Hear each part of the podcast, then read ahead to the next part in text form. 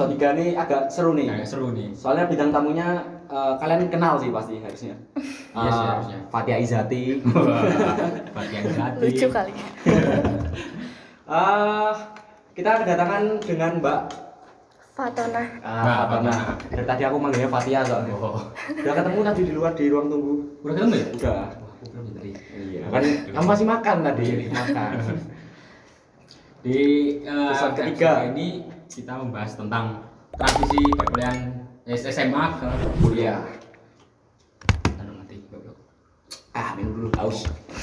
Jadi kalau aku yo, kalau aku sendiri transisi dari SMA ke kuliahku nih eh, bisa dibilang normal-normal manusia aja. Jadi kayak aku merasakan circle yang sama di SMA dan di kuliah. Bedanya di kuliah lebih pusing, agak. Pusing, agak pusing ya. Kalau di SMA, hai hai, belum, Belum. gitu.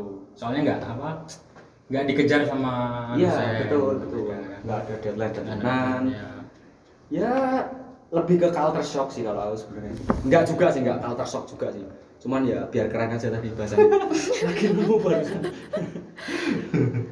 terus kalau kamu sendiri gimana Ya sama sih ya standar aja sih ya dari awal kesusahan nggak maksudnya kamu kesusahan nggak eh, adaptasi dari SMA mu ke kuliahmu sekarang? Enggak sih lebih apa ya? Ya lancar lancar aja. Lancar-lancar aja. Lancar aja. Eh, temenku banyak sih emang. Aja Nggak. kalau dari Mbak Fatia masih ke bawah Fat. Iya Mbak kalau aku sih karena apa ya dari SMP SMA itu kan beda beda kota beda provinsi. Hmm, ya. SMP di Bandung SMA di Kediri terus emang dari awal tuh kayak pengen kayaknya aku kudu di Jawa Tengah deh atau Jogja gitu. Akhirnya ke Jogja pengen ya itu sengaja malah. Aku sengaja pengen ngerasain budaya tiap provinsi ini gitu. Oh. sampai akhirnya di Jogja terus aku kan juga gap year ya gap year setahun nganggur. Lihat teman-teman udah pada kuliah. Pengen juga pengen iya kayak beban gitu keluar rumah ditanya kok nggak kuliah? Gitu. Padahal kan belajar Hmm. SBM kayak gitu. Sampai akhirnya eh, di Jogja di salah satu PTN eh, keterima di situ. Terus akhirnya ya bener aja gitu jauh. Aku kira kan kalau sama-sama Jawa gitu suku Jawa Iya. dengan budayanya nggak nggak nggak jauh beda gitu ternyata. Ya beda. Terus aku mikirnya kayak Jogja tuh eh ya kan orang mikirnya murah ya Iya. murah adem kayak gitu ya setahun pertama ya sih ngerasain kayak gitu iya murah ya gitu ya, Jogja panas, sorry. tapi lama-lama pas udah mau masuk tahun keberapa nih dua Dua, tiga tiga. gitu heeh. kayak enggak sih kayaknya sama di Jogja mahal Hmm. juga panas macet sama kayak kota-kota besar lainnya gitu Terus kalau dari budayanya gitu ya tadi. Kalau Mm-mm. misal dari eh, cara bertemannya nih di sana sama di sini beda apa? Berbeda.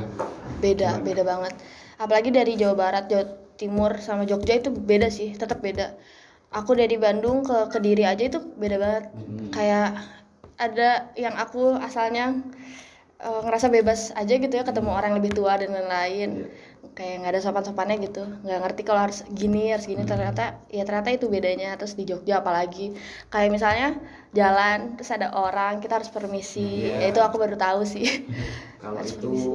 memang. wajib kayaknya nggak juga sih Jadi kayak gimana ya? Ah orang Jawa ngomongnya unggah ungguh. Ah, tata krama Tata krama. itu Lebih ke tata krama. Sebenarnya nih kalau buat teman-teman yang dengerin, ini bukan buat contoh yang bagus untuk ditiru ya. Sebenarnya kalau kadang kan kita ada malasnya juga kan, ada kayak Iya. nggak moodnya juga kan. Tuh kalau aku sendiri ketemu orang yang gitu, eh, aku nggak nggak langsung monggo gitu nggak. Hmm. Aku kayak, hah? dia jawab, eh, tapi dia jawab. Itu kayak ada hiburan gitu. Jadi kayak nggak mood kan, eh, naik motor gitu, ada orang berhenti di pinggir gitu kan. Eh, kalau ada orang di pinggir jalan gitu kan, Iya, iya. Hah? Iya. Dia jawab tapi. aku juga pernah kayak gitu juga Iya. gue gue gue gitu jawabnya juga mungkin dengarnya dari langgeng mungkin ya Iya. Dia kayak gimana ya? Ya itu apa sih tadi aku kenapa tiba-tiba agak ambigu juga. ya itu sih tapi kalau bedanya SMA ke kuliah ya selain karena menurut aku kalau tugas hampir ya karena emang naik level ya jadi Hmm. pasti bebannya beda cuman eh bedanya di aku adalah hmm, oh jauh dari orang tua pertama itu. Terus harus bisa manage keuangan sendiri diri aku sendiri juga harus lebih bisa dikontrol lebih jadi mandiri. Tapi kalau ke temen eh, urusan ter- pertemanan itu lebih kayak yang eh makin gede kayak makin hati-hati sih. Ka- apalagi kalau merantau terus di kampus yang lumayan gede Iya. kan otomatis banyak yang dari berbagai macam daerah tuh itu sih nyesuaiinnya agak susah karena kita kan nggak bisa seenak ya Iya, jadi kayak ya sama-sama ngerti gitu apa yang jadi biar nggak jadi rasis gitu loh Iya. Berarti lebih ke kamu sekarang di kuliah ini lebih ke pemilih ke teman ya? Iya. Lebih hati-hati. ya Terus nih, ceritakan sedikit tentang diri Anda ketika baru masuk ke salah satu PTN di Jogja. pas masih maba berarti ya Iya. Itu maba Eh, karena PTN-nya itu misal- agak kontradiksi sama aku ya. Jadi itu sih benar-benar kayak menyesuaikan mau nggak mau. Terus pas jadi maba dengan aturan-aturan yang kayak begitu sebenarnya aku sempat ini sih sempat agak bermasalah sama senior. Boleh ceritain nggak sih? Boleh, boleh dong, boleh dong, santai. jadi itu tuh hari keberapa gitu terus kayak harus ada berdoa pas sholat gitu lah. Sholat bareng pagi-pagi sholat duha. Terus eh, si senior aku sih apa namanya panitia ospek. Iya, panitia ospek. sosok senior gitu lah. Sosok marahi. Eh, eh. padahal seumuran juga sebenarnya. Terus dia kayak kok nggak sholat? Kayak gitu. Kok nggak ambil wudhu? Terus aku bilang lagi lagi dapet aku bilang kayak gitu. Hmm. terus dia kayak nggak percaya gitu terus aku bilang mau lihat apa gimana? Terus dia langsung narik aku coba lihat name tag kamu siapa namanya? Terus dia akhirnya sampai sekarang kayak kalau ketemu judes gitu itu sih aku aku benci banget senioritas sebenarnya kayak nggak penting gitu loh kita sama-sama kuliah terus maksud aku tuh kamu tuh nggak kelihatan lebih keren kalau kalian bentak-bentak Nah, dan itu kalau yang bisa dibilang ya, senioritas itu kalau kataku di SMA nggak ada, di SMA aku iya ada. benar-benar benar. Jadi di SMA aku itulah masa transisi yang aku bilang tadi.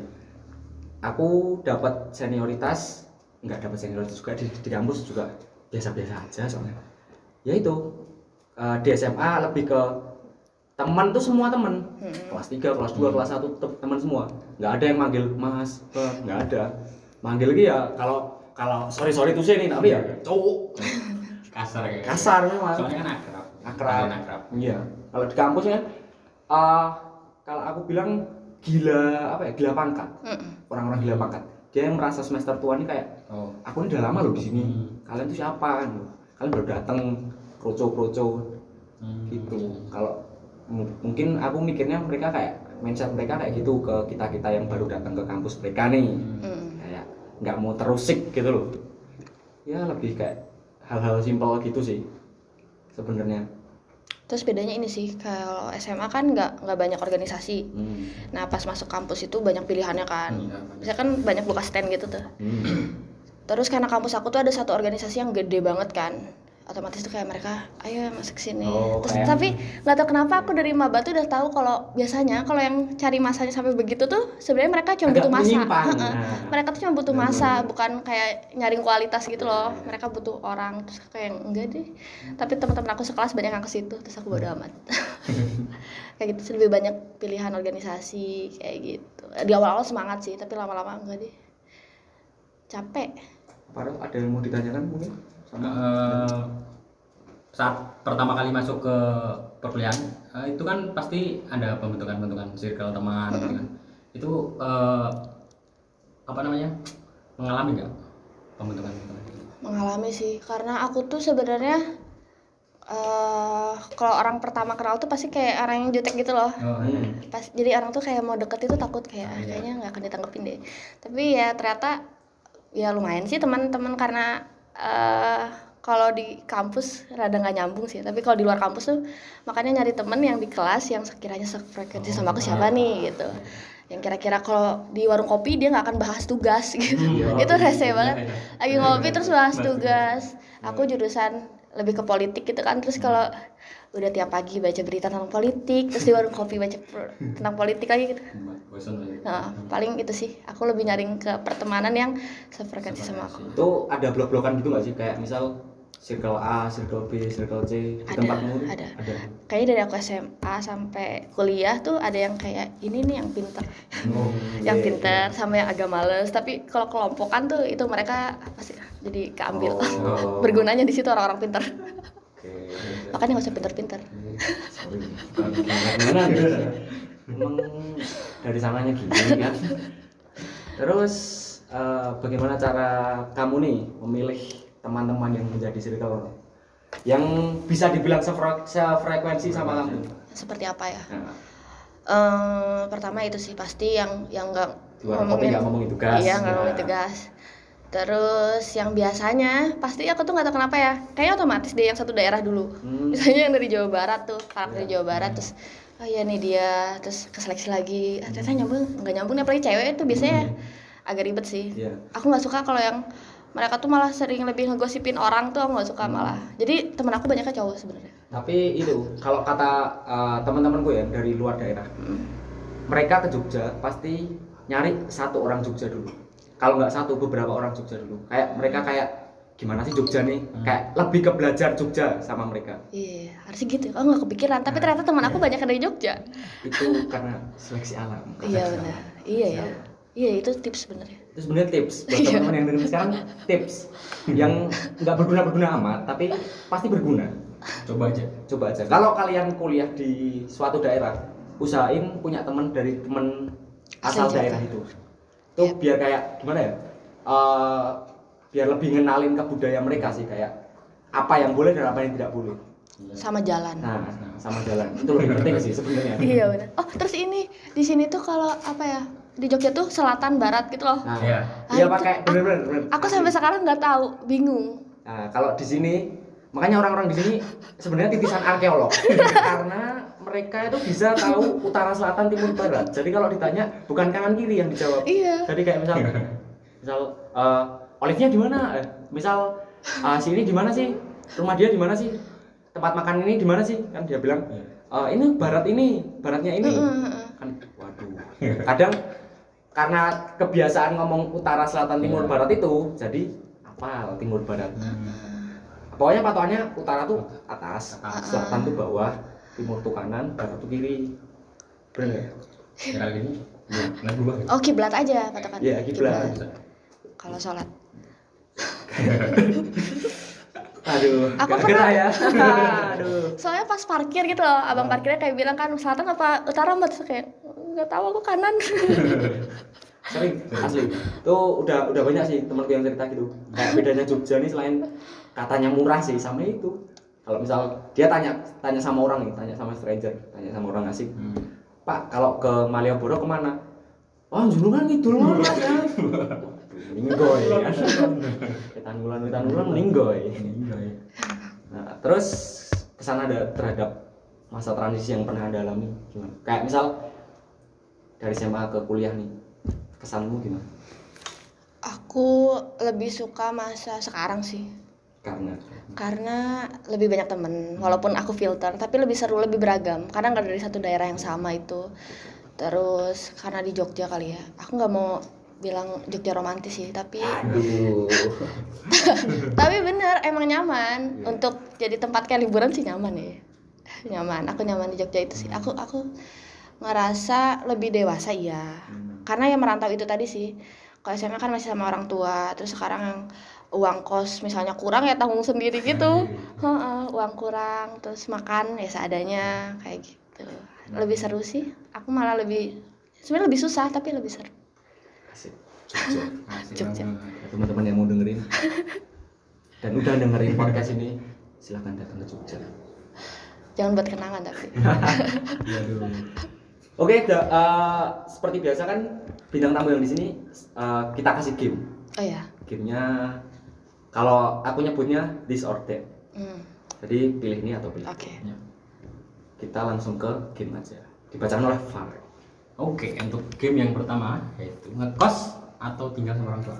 ngekos Ngekos. Karena apa? Karena bebas. karena bebas apalagi lah Gak ada jam malam. Terus eh lanjut kan? Wow. Aku mah diem aja. Ini gentenan. Pilih-pilih teman atau berteman dengan semuanya? pilih-pilih teman ya, tadi udah dijawab sih ya Modal ikut organisasi atau kuliah pulang, kuliah kuliah pulang. aduh aduh ikut organisasi sih Tapi kan kuliah pulang kuliah pulang nggak capek. Bisa belajar di rumah, bisa pilih organisasi tapi dengan syarat dan ketentuan oh, secara tentuan berlaku iya syarat ketentuan. Yang keempat jadi mahasiswa aktif tapi IPK standar atau mahasiswa pasif tapi IPK yang tinggi. Aktif tapi standar. Standar. Standar standar aja lah ya. Iya. Terus jadi mahasiswa berprestasi dalam bi- dalam bidang akademik atau non akademik. non akademik Contohnya, Eh, karena aku jurusan hukum aku nggak nggak ngerasa ada passion di situ sih kalau non akademik aku suka nulis aku bisa punya di situ keren keren keren. keren. Yap, Terus yang terakhir itu SMA atau kuliah kuliah Ya. Kenapa? karena lebih bebas Bebas. Bebas. Tapi kalau nih dikit sharing dikit ya. Kalau aku dikasih aku yang posisi dulu di situ, ditanya SMA atau kuliah, aku jawab, mungkin ke SMA sih. Karena bukan bukan nggak bisa move on, bukan nggak bisa move on karena kenangan atau sebagainya. Cuman kayak asik asik banget gak sih SMA tuh? Kayak tiap hari 24 per 7 sama temen. Hmm. bener-bener yang kamu tuh sama teman kamu membentuk jati dirimu sekarang nih ya gara-gara SMA itu. Kamu sekarang menjadi apa ya gara-gara SMA dulu tuh?